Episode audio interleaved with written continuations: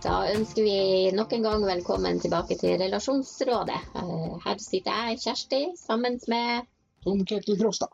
Velkommen, velkommen. Ja.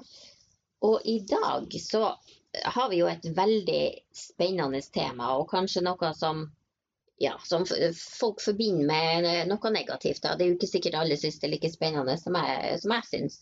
Men i dag skal vi snakke om forhold i krisetider. ja. Det er jo eh, et år siden covid slo inn i Norge. 12. mars i fjor var det vel at eh, landet ble stengt ned på, i forbindelse med covid. Og nå har det gått et år, og det, vi kan vel kalle at det året vi har vært i, har vært en krise. Sånn nasjonal krise, eller menneskelig krise kanskje, på en måte. Og i det, på det året så har vi jo kanskje kommet litt nærmere innpå hverandre. Eh, mennesker som bor sammen og som har en relasjon til hverandre, har vel kanskje erfart at man har kommet litt tettere inn på hverandre. På godt og vondt. På både godt og vondt. Og det er jo klart at da, det er jo ofte da kriser oppstår, og da, eller problemer oppstår i hvert fall, kan gjøre. Og eh, vi menneskene tror ikke jeg, eller vi har ikke vært så, vi er ikke så flinke til å forholde oss til kriser. Og forholde oss til problemstillinger. Nei, man kan jo ofte Man kan gjerne velge å se på en krise som at noe er i endring. For det, det skjer noe utenom det vanlige. Og det har det jo gjort Ja, det her det siste året. Um, og så, så er det jo sånn at, at vi mennesker vi har, vi har det i oss at vi gjerne har litt motstand mot kriser og mot endringer. For det er mest behagelig at ting er som de pleier å være. Og dermed så kan man jo da velge å prøve å stritte imot, eller så kan man prøve å henge med, eller så kan man prøve å være litt i forkant av det som skjer, da. Men det vil jo være litt forskjellig, helt sikkert, hvor godt man takler det her med krise. Men hvis, hvis noen eh, hvis jeg nå skulle komme til deg, Tom, og så sagt at eh, nå har vi en krise i forholdet, hva ville du ha tenkt da? Jeg tenker at eh, oppstår det en krise, så handler det om å finne ut hva er det som er problemet. Og da må man, komme, da må man snakke sammen. Ja. Da må man kommunisere, og så må man eh, være litt åpen og ærlig om hva som er problemstillinga rundt rundt det man oppfatter som en krise. Da. Og det er jo der vi eh, Jeg tror vi skal eh, til dere som er lyttere, eh, si at det er, eh, det er viktig å ta tak i det. Det er viktig å gjøre noe med det. fordi at eh, Sånne kriser de, de oppstår fordi at man har utsatt og utsatt problemstillinger eller utsatt og utsatt ting man kanskje ønsker å ta opp eller, eller ikke tør å snakke om. for det viser seg jo det, og det kommer jo fram i en del tidsskrift og i en del eh, saker, at det er jo mange årsaker til at folk ikke tar opp problemer. Det er mange årsaker til at man ikke tør å snakke om en ting, og så utvikler det seg jo som sagt til å bli en krise til slutt. Og så, så kan det jo selvfølgelig også skje plutselige ting. Plutselige endringer som, som fører til krise. Det må man jo ta når det kommer, selvfølgelig. Um, men uh, jeg har lest et eller annet sted, så har jeg lest at det kinesiske ordet for krise, det betyr nye muligheter. Ja. Jeg er litt usikker om det stemmer, men jeg, jeg syns jeg kan huske at jeg har lest det en eller annen plass. Og det, det tenker jeg det er jo en veldig fin måte å tenke på det, da. Eh, I forhold til at en krise skal være noe som er utelukkende negativt og problematisk, så kan det også være noe som kan åpne opp for nye ting, eh, og at man kan få det bedre, f.eks. i det forholdet som man er i. Ja, Og det er jo det er jo det det handler om. Eh, Når man er i et forhold, en relasjon til noen, så, så vil det jo dukke opp ting man ikke er enige om, eller ting man, som det er et misforhold i forhold til eh, Ja, det kan jo være så banalt som alt fra hva slags mat man spiser til daglig, ikke til, til om man skal gjøre eh, fritidsaktiviteter, eller om man skal ha sex, eller om man skal Ja. Mm. Og, da, og jeg tror jo det at eh, vi har vel òg opplevd det, vi to nå, ikke sant, nå i covid-tida, at vi er mer hjemme, vi er mer sammen. Vi bruker kanskje litt mer tid på, på felles sysler, og da blir, oppstår det jo et, eh, et, en, en, en, en dismiss, kan du si, mellom hva, hva den ene vil gjøre og hva den andre vil gjøre. Mm. Eh, og det er vi ikke vant til å snakke om. Vi er ikke vant til å deale på den måten der, for at ofte så har vi hver vår arbeidsplass. Vi har hver vår eh, Ofte så går, eh, omgås vi litt forskjellige sosiale sammenhenger og har delt fritid.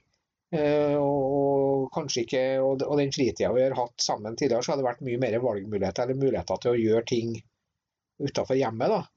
Men nå så har det jo mye skjedd på hjemmebane eller i, i små grupper og i mindre sosial sammenheng med andre mennesker. Og da er man jo enda mer avhengig av at forholdet fungerer bra nok. Og så er vi i tillegg begynt å jobbe sammen. Ja, ja, vi har jo begynt å jobbe sammen Også. så det har jo, for å komplisere det har jo krevd en ekstra utfordring, bare, bare det hos oss. Eh, men eh, det er jo til dere som sitter og hører på her, så, så er det jo for å, å, å, å, få dere inn kanskje litt på tankegangen om at eh, hvordan jobber vi med eh, de problemene som oppstår, sånn at den krisa som vi opplever, eller den krisa som oppstår etter hvert pga. sånne ting, kanskje blir lettere å forholde seg til. Mm. Og kanskje går det over til å bli noe, som du sier, en ny mulighet eller en, en, en bedre forståelse for hverandre etter å ha vært gjennom en sånn prosess med, med dialog og prat rundt det. Da. Mm. Og så, så, tror jeg jo at ordet krise i seg sjøl er jo litt sånn dramatisk, eh, for meg i hvert fall. Eh, men det, det, er viktig å huske at eh, Eh, at det kan være nye muligheter. Og det trenger ikke å være de store tingene som ligger til grunn for det heller. Og for, for mange, det er jo et tema som vi har vært inne på før, så er jo den overgangen fra forelskelsesfasen til et mer hverdagslig forhold vil oppleves som krise for mange. fordi at når du på en måte får av deg de her rosenrøde forelskelsesbrillene, så oppdager man kanskje feil å si ved partneren som man ikke har sett i forelskelsesfasen. Og det i seg sjøl um, kan jo oppleves som en krise, og som faktisk gjør at uh, en relativt stor del av nye par går fra hverandre når den første forelskelsesfasen er over. Ja, og det er vel i den fasen der at, uh, at det er viktig å definere hva vil man med livet sitt, eller hva vil man med det forholdet og den relasjonen man har. Mm. Eh, og det, det, må være klar over at ting endrer seg. Du, du, kan ikke ha det samme som når du var nyforelska til, til, evig tid. For man blir mer kjent, og det kommer eh, andre ting frem. Så det, det, er viktig, tenker jeg, å snakke om det når man kjenner at eh, eh, i hvert fall føler at noe begynner å bli vanskelig. Ja, og vi, vi er jo nå øh, inne i studiet både med sexologi og parterapi, og, og det, det, går jo litt hånd i hånd, tenker jeg, det der òg. Det er jo øh, i når, Sånn som dagliglivet har vært nå i en periode, så har det jo eh, skapt utfordringer på det, det, med at det ikke blir så store variasjoner som folk er vant til òg i forhold til opplevelser, i forhold til reiser, i forhold til, til det man gjør. Og så, og så, vet vi jo det at uh, forandring fryder hos de fleste menneskene. ikke sant? Sånn at vi, vi har jo Det er jo til å legge skjul på at uh, man ofte har mer spenning og mer tenning og mer seksuelle opplevelser når man er ute og reiser, f.eks., enn når mm. man er hjemme i det daglige dagliglivet. Så det skaper jo en ny utfordring egentlig hos mange mennesker, og det å kunne kunne eh, ja, opprettholde både den seksuelle spenninga og den seksuelle tenninga mellom de relasjonene man har. da. Ja, og da, det må man kanskje finne på litt eh, nye ting. Eh, F.eks. så kan man dra og overnatte på hotell i hjembyen av og til. Ja, det var vel det vi gjorde her i ja, var det i begynnelsen av januar? Det funka veldig bra. Ja, det... Som en sånn liten boost, og at man liksom husker på at man kan ha litt, eh, litt fri og litt på en måte ferie i hverdagen òg, selv om man ikke kan reise bort. Ja. Og så, så vet jeg jo at andre har eh, eh For å holde på spenninga, at man bruker nett mer. Eh, type eh, webcam og snakker med hverandre på FaceTime og Zoom og Teams og alt hva det måtte være og finne andre måter å omgås på. Og så, så, tenker jeg jo at når det eh, når på en måte livet har vært kan, Vi kan jo kanskje si at det har vært veldig mange på en måte sånn hverdager oppi denne her krisen som har vært med, med covid. For at vi må være mer i ro, vi må være mer hjemme, og vi kan ikke være like sosiale. Vi kan ikke gjøre alle de, eh, de tingene som vi normalt eh, vil kunne gjøre. Ja. Og det gjør jo at det kan være noen utfordringer i å finne spenninga i den hverdagen, da. Ja, vi merker det jo på de Vi har jo en del klienter og holder en del terapitimer. Og jeg merker det jo spesielt ved en par tilfeller som jeg har eh, der det, der det temaet kommer fram veldig lett. Det med kjedsomheten og det, eller det at det har blitt veldig veldig ensformig hverdag, da, kunne du si, for mange. Og, Ting så- blir litt forutsigbart. ja, forutsigbart. Og så er det slik at uh, man da bare ikke snakker noe om det. Tar ikke tak i hva tanker og følelser rundt det, kan du si. Nei. Og det er, jo, det, er jo så, det er jo ekstra vanskelig nå i den tida her, for at det blir så nært. ikke sant? Du, blir, du, du går mer oppå hverandre eh, enn enn normalt, og du, du skal velge å forholde deg til den andre personen på en annen måte, eller de andre personene som du har i dine relasjoner på en annen måte. ikke sant? Så, så det, det krever litt mer av oss, rett og slett. Og mange har jo også hatt ungene mer hjemme, sant? med hjemmeskole og med stengte barnehager og sånn innimellom. Ja. Eh, Så hverdagen har nok vært tettere for de aller fleste av oss. Ja. I forhold til, eh, til det med at kriser da, f.eks. begynner å komme så langt at, at, det, at det, man opplever det som en skikkelig krise, da, eh, så er det jo, finnes det jo selvfølgelig hjelp å få sånne som oss. Ja. Det er jo, det er er kontakt finnes. Ja, ja, det er jo å ta kontakt med, med sexologer og parterapeuter og, og, og, og få kanskje en, en tredjepart inn i bildet som kan hjelpe, hjelpe å nyansere og balansere på det som, som skjer òg. Mm. Men eh, det er jo ofte en del årsaker til at folk eh, ikke velger å gå så langt, eller ikke, ikke tar tak i det. Eh, tar det valget. Kanskje vi skal si litt om det, sånn at folk blir litt mer bevisst rundt eh, hvorfor, hvorfor krisene faktisk utvikler seg til å bli en ordentlig krise. Ja. Eh, og så, så er det vel litt sånn i forhold til eh, Alle forhold har jo gode og dårlige faser, eh, men så er det jo ikke bestandig like lett kanskje å skille mellom en dårlig eh, periode i forholdet og en grunn til å gå så langt som at man gjør det slutt. Um, og det, det finnes jo på en måte veldig mye imellom der også. Um, men jeg har jo snakka med flere som, som kanskje over flere år har gått og tenkt at eh, det må nå bli bedre en dag, eller den andre personen må endre seg, eller Og så kommer de på en måte ikke noe særlig videre. Eh, for det er vel kanskje akkurat det der med frykten for å være alene som kan være veldig vanskelig for noen å takle. Ja.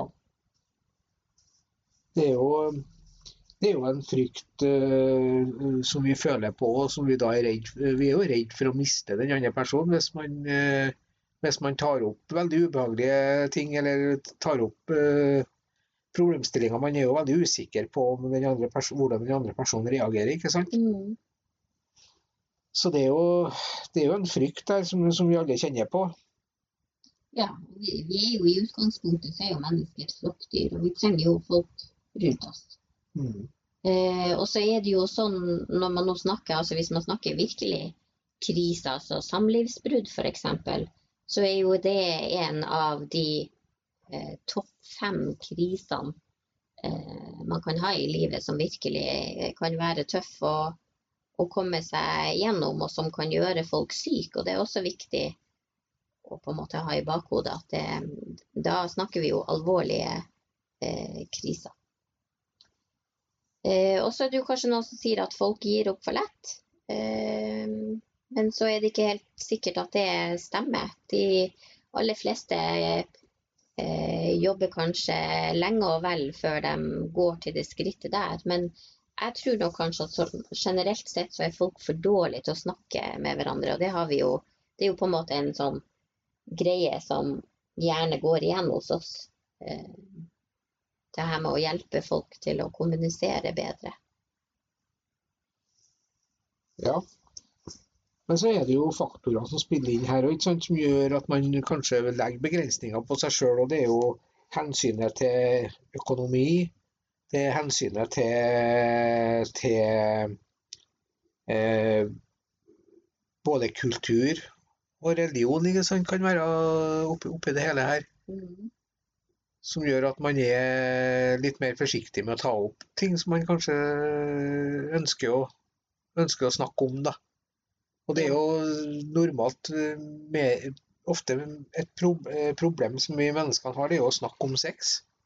De seksuelle utfordringene. Og, og jeg tror jo det at, eh, at i løpet av det kriseåret vi har vært gjennom nå, på en måte, så har det jo skapt en del mer seksuelle utfordringer. Du var jo inne på det her i stad, det med, med at, at, nære familiemedlemmer kanskje er mer hjem. Altså barn og, og, og folk som bor i, i, fellesskap, kan du si, har mye mer timer sammen. Og det gjør det jo vanskeligere for mennesker som Eller par, foreldre og par da, som, som, kanskje vil ha stunder for seg sjøl. Og så velger man kanskje å ikke snakke om det, for, vi har ikke tradisjon for å finne på alternative ting. Det, ting har liksom gått av seg sjøl før, og det, man, det har bare blitt at man har hatt sex når det har passa sånn, og så nå plutselig passer det ikke sånn noen gang. ikke sant? For at det er folk rundt seg, eller at man har omstendigheter som gjør det vanskelig. Og så evner vi kanskje ikke å ta tak i og snakke om det, da. Nei, og så, så tror jeg kanskje mange av oss da eh, kjenner litt på den der at de får litt sånn dårlig samvittighet fordi at partneren og, og kanskje ungene og familien begynner å gnage litt for mye på det.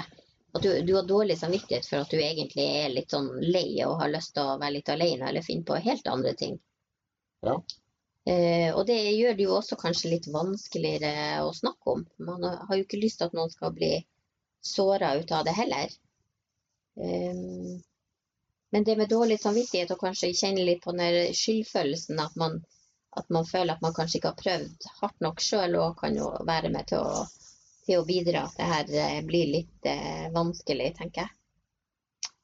Um, og som du var inne på det her med religion og kultur òg. Jeg tenkte bare at jeg skulle si at um, eh, det vil jo selvfølgelig være veldig eh, forskjellig i forhold til hva slags eh, type religion og hvilken type kultur man har vokst opp med. Men, men om man nå har vokst opp i, i Norge, da, Eh,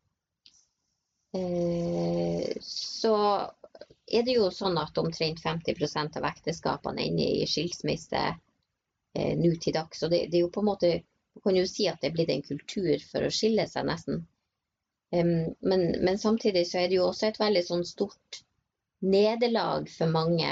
Eh, og jeg, jeg, vet jo om flere som, som blir i forhold som man kanskje egentlig burde ha gått ut av fordi at man er så redd for den endringa. Man er så redd for alt det ukjente som man ikke vet. Ja.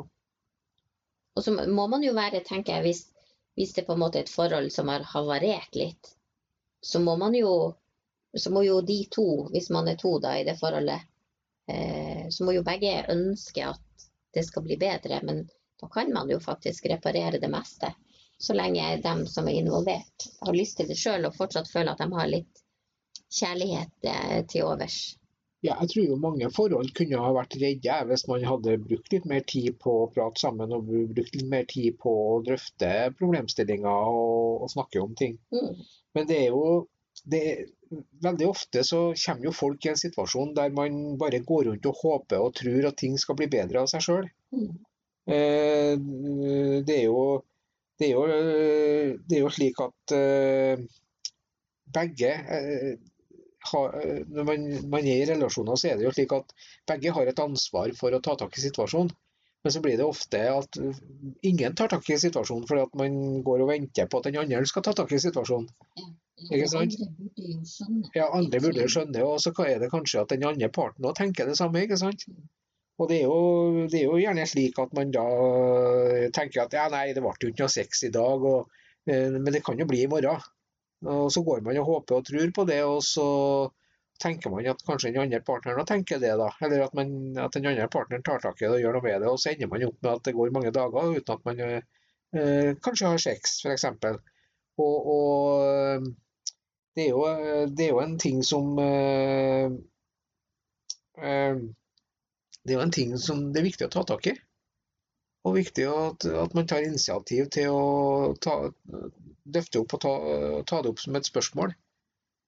Hvorfor, ja. hvorfor, har vi ikke sex nå, f.eks.? Hva, hva er det som er problemstillinga rundt det? Hva er årsaken til at vi ikke har den intimiteten og den nærheten som vi hadde kanskje tidligere?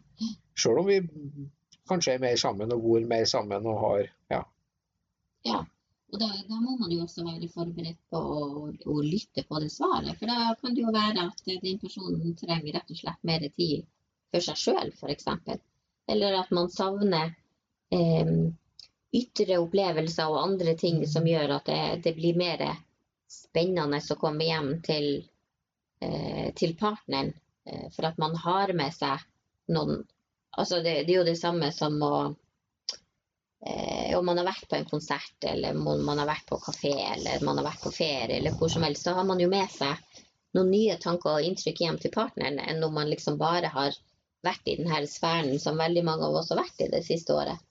Det er vanskeligere å opprettholde den samme eh, passion i disse tider enn det er normalt sett. Men det, vi må jo det. Ja. Vi, vi, må jo anstrenge oss litt mer, tenker jeg, for å, for å passe på at ikke vi ender opp med en sånn her eh, ras av koronaskilsmisser når ting begynner å gå seg til. Ja, og det er jo litt flåsete sagt, kanskje, men jeg tror det ligger noe i det. Og det er at man må, må ikke, selv om man nå er i en veldig sånn eh, anstrengt situasjon, tror jeg mange kanskje er så, så, må man ikke glemme eh, å, å, finne gleden i hverandre. Finne gleden i, den, i, det forholdet man etablerte i forhold til den, den relasjonspartneren man har. Mm. så er det jo kanskje det å gå litt i seg sjøl, stikke fingeren i jorda og så tenke over at hva, er, hva, var det viktigste for oss? Og mm. det viktigste var kanskje ikke det, det å reise på ferieturer eller å, å, sitte på en romantisk middag på en dyr restaurant og, og, sånne ting, men at kanskje så var det det mer mellommenneskelige forholdet og det som dere hadde som den kjærligheten og den forelskelsen og, og det dere hadde fysisk sammen, som kanskje var vel så viktig. Ja. Og det kan jo være litt greit å, å erfare og, og, oppleve og sette litt fokus på, tenker jeg da. Ja. Og det, det ser man jo òg, for det, det, er jo gjerne noe vi, vi ofte spør par om. Hvordan møttes dere? Hva, hva, var det liksom i starten som fascinerte med hverandre, og hva var det som gjorde at dere fikk følelser for hverandre? Og da ser man jo ofte at, at når folk liksom begynner å tenke litt tilbake og kommer på hvordan det var, så ligger det jo gjerne noe viktig der som man kanskje har glemt å ta med seg videre for at hverdagen tar over. Så det å huske på de her, um, de her grunnleggende tingene på hvorfor man en gang i verden valgte å bli sammen, ja. um, det kan være et bra lim på å bygge videre på det man har. Ja, jeg tror, det, jeg tror det er Vi har i hvert fall en god mulighet til å gjøre det nå.